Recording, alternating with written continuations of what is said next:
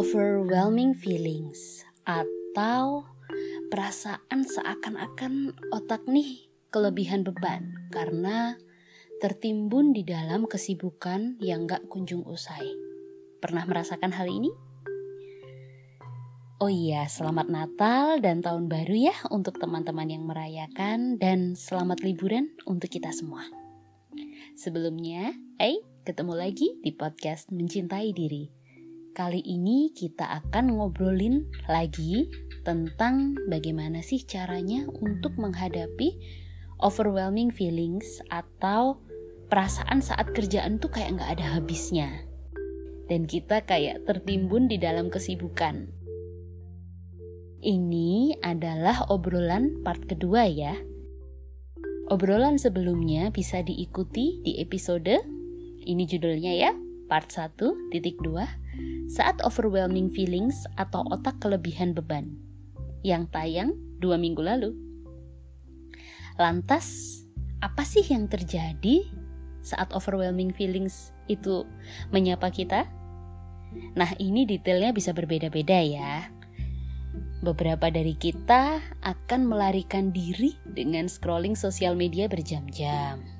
Beberapa dari kita juga mungkin memilih untuk nonton Netflix atau movie marathon ya tanpa henti. Atau ada juga nih yang tiba-tiba kita nih mau masak siomay dari nol dari bahan. Nah, akhirnya masak siomaynya seharian padahal sedang banyak kerjaan. Pernah merasakan hal ini? Oke, baiklah. Sekarang ayo kita lanjutkan obrolannya ya. Sebelumnya, seperti biasa jangan bosan, ayo kita tarik nafas dalam-dalam dan hembuskan perlahan. Ikuti saya ya. Satu, dua, tiga, dan hembuskan perlahan. Bisa diulangi lagi kapan pun diperlukan. Baiklah, obrolan ini diambil lagi dari Psychology Today ya. Penjelasan lebih lengkap tentang apa sih yang terjadi saat overwhelming feelings itu menyapa kita? Bisa didengarkan di episode sebelumnya. Nah, lantas apa nih yang bisa kita lakukan untuk mengatasi hal ini? Solusi pertama juga sudah dibicarakan di episode sebelumnya. Nah, saat ini kita akan langsung bahas solusi nomor 2 hingga nomor 5. Sisanya akan kita bahas lagi di episode terakhir tentang topik ini. Jadi bagaimana? Sudah siap? Baiklah. Ayo kita langsung aja ya.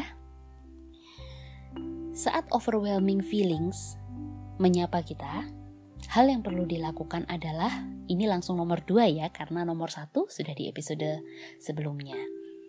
Nomor dua, kita cobalah untuk merapikan lingkungan di sekitar kita. Jadi kita coba beres-beres ya.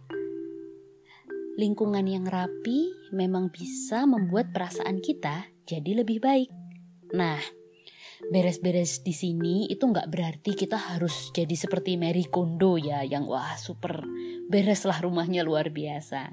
Nggak, nggak harus gitu.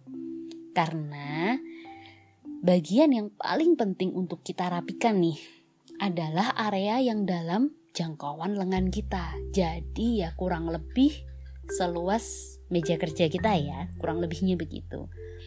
Jadi coba deh cukup merapikan tumpukan buku di meja kita.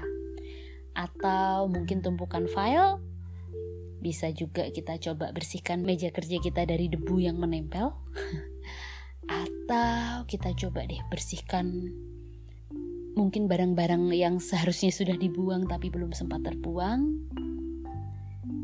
Beberapa dari kita mungkin suka ya dengan bunga segar. Bila suka coba deh nggak apa-apa, kita taruh vas bunga segar di meja kita. Siapa tahu jadi lebih semangat. Hal ini penting agar pikiran kita bisa jadi fokus terhadap apa yang harus dikerjakan. Jadi bukan sedang enak-enak kerja, eh ternyata nih ada buku jatuh terus kita beresin dulu atau kita wah mau kerja tapi kok ternyata aduh file yang dicari malah hilang akhirnya kita jadi beres-beres sambil kerja kurang lebih kayak gitu jadi kapan nih terakhir kali beres-beres meja kerja baik kita lanjut ke poin nomor tiga ya coba untuk merampingkan prioritas kita. Hmm, gimana nih caranya? Jadi coba deh kita renungkan rencana-rencana kita. Kalau perlu kita ambil kertas atau bisa juga sih buka Microsoft Word misalnya kita tulis di gadget kita ya. Nah, sekarang ayo coba kita tulis rencana kita apa aja. Kemudian, coba kita pisahkan. Rencana-rencana mana aja yang memang benar-benar perlu untuk dilakukan, terutama dilakukan saat ini. Nah, berikutnya coba kita tandai rencana-rencana mana aja yang sebenarnya nggak penting-penting banget sih. Misalnya, belanja sayur dan buah yang memang udah habis. Nah, kalau kita nggak belanja, kita makan sayur apa malam ini misalnya. Atau rencana kedua, cuci kendaraan yang sebenarnya nggak kotor-kotor amat. Nah, kira-kira mana yang lebih penting? Kemudian, ayo kita fokus untuk mengerjakan hal-hal yang memang benar-benar perlu aja dulu ya. Berikutnya, baru deh kita coba kerjain hal-hal yang lain. Sekedar mengingatkan ya, jangan lupa untuk tarik nafas dalam-dalam dan hembuskan perlahan kapan pun diperlukan. Baik, ayo kita lanjut ke poin berikutnya.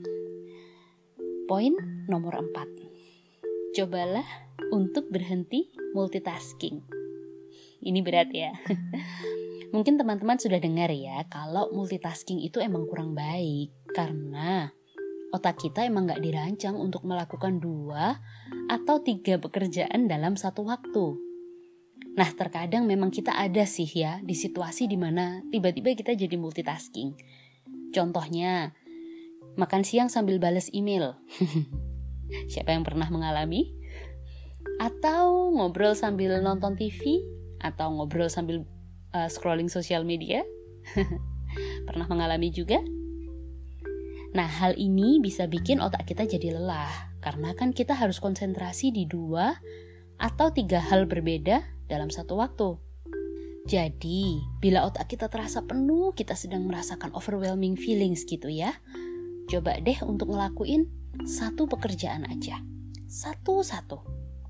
Nanti kalau otak kita sudah kembali santai, mungkin kita bisa coba lagi untuk multitasking ya.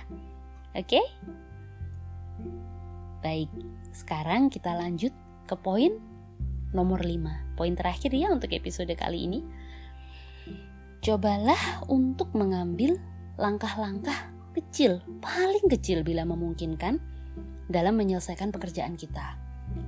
Hal ini perlu saat otak kita terasa benar-benar lelah, tapi kita benar-benar harus ngerjain, jadi itu nggak bisa ditunda.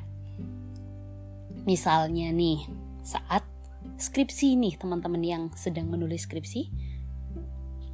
Skripsi harus ditulis, sementara otak kita sedang merasa benar-benar lelah dan benar-benar nggak bisa untuk menunda lagi gitu. Jadi hari ini benar-benar harus ada progres nih, misalnya seperti itu. Kita bisa coba ngomong ini ke diri sendiri. Hey, ayo sekarang kita coba buka file skripsi, misalnya seperti itu. Kecil-kecil aja, Kemudian kita bisa lanjut ngomong gini sama diri sendiri. Oke, sekarang tulis chapter 1. Berikutnya tulis judul chapter 1, misalnya seperti itu. Dan seterusnya. Memang hal ini mungkin terdengar lucu ya. Kenapa sih hal-hal sekecil itu harus dipikirkan? Nah, tapi saat kondisi otak kita sedang sangat lelah, berpikir dengan cara seperti itu akan sangat membantu. Jadi, siapa nih yang pernah mencoba hal seperti itu saat otak sedang sangat lelah? Sebelum obrolan ditutup, ayo kita tarik nafas dalam-dalam ya dan hembuskan perlahan. Jangan bosan ya. Ikuti saya. Satu, dua, tiga, dan shh, hembuskan perlahan. Bisa diulangi lagi kapan pun diperlukan ya. Oh iya, sekedar mengingatkan teman-teman, jangan bosan ya. Lagi-lagi, bila dirasa perlu, jangan ragu untuk menghubungi fasilitas kesehatan terdekat ya. Jangan lupa untuk mengikuti episode terakhir dari obrolan cara untuk menghadapi overwhelming feelings ya di episode berikutnya. Terima kasih telah bergabung dalam podcast Mencintai Diri. Ayo kita berjalan bersama-sama selangkah demi selangkah hingga akhirnya bisa memeluk dan mencintai diri sendiri seutuhnya. Have a nice day.